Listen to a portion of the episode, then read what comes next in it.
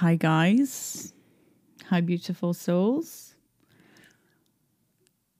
I've noticed that I find it a little bit difficult to kind of start and to, to kind of like, where do I start?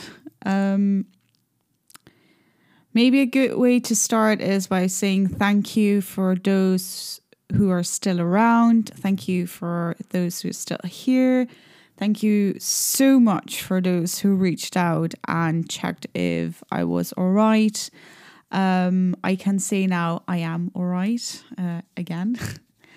um, some personal circa some personal circumstances uh, made it a bit hard for me to show up on social media so I kind of chose not to.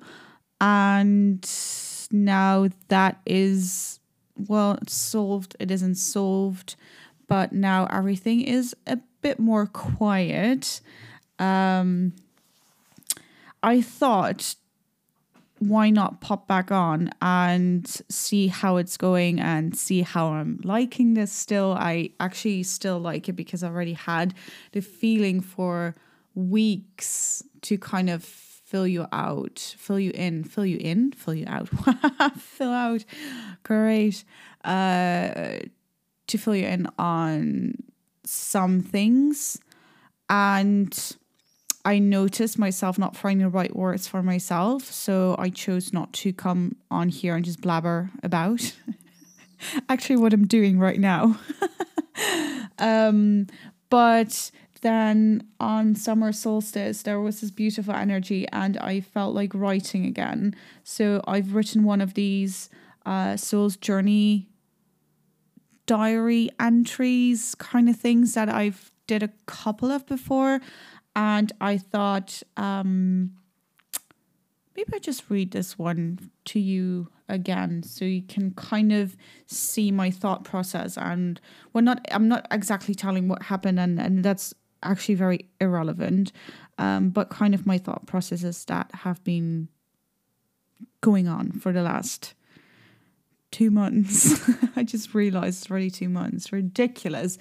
Anyway, I'm back and I'm back again with another A Soul's Journey. 21st of June, summer solstice 2022, and we're in Utrecht this time. I feel tears swell up. Why? I don't know. Maybe because it's the first time I'm actually trying to make sense of it. Why can't I go home? Why doesn't even feel like home? Why is home such a struggle? Home should be easy. Home should be a safe haven, no? Nothing major I can change at the moment. I just have to accept I am taking refuge in my own quotation marks country. It hurts. Sometimes, like being shot, sometimes, like an ache of an old injury. Sometimes it's there, sometimes it's not. But it lingers always. But I guess that's what mourning is a feeling I know all too well. Each morning is different yet the same. You are there just waiting for that next stage, if it goes well. Or that next blow that will make you feel like you will never recover. But you know you will. I know I will. I've been down this road before many, many times. As the Five of Cups card said that I pulled this week, disappointing setbacks have got you in a rut. Broken, you are filled with resentment over what has happened to you. It's okay to grieve and to give yourself a moment to feel bad, but it's your decision how long you wallow in it. Forgive the people who have hurt you in the past including yourself, for believing they have the power to hurt you. It may take some time for the sting to go away, so let yourself heal through the process. And that's exactly what I've been doing for the last couple of months in my absence. And I'm still doing.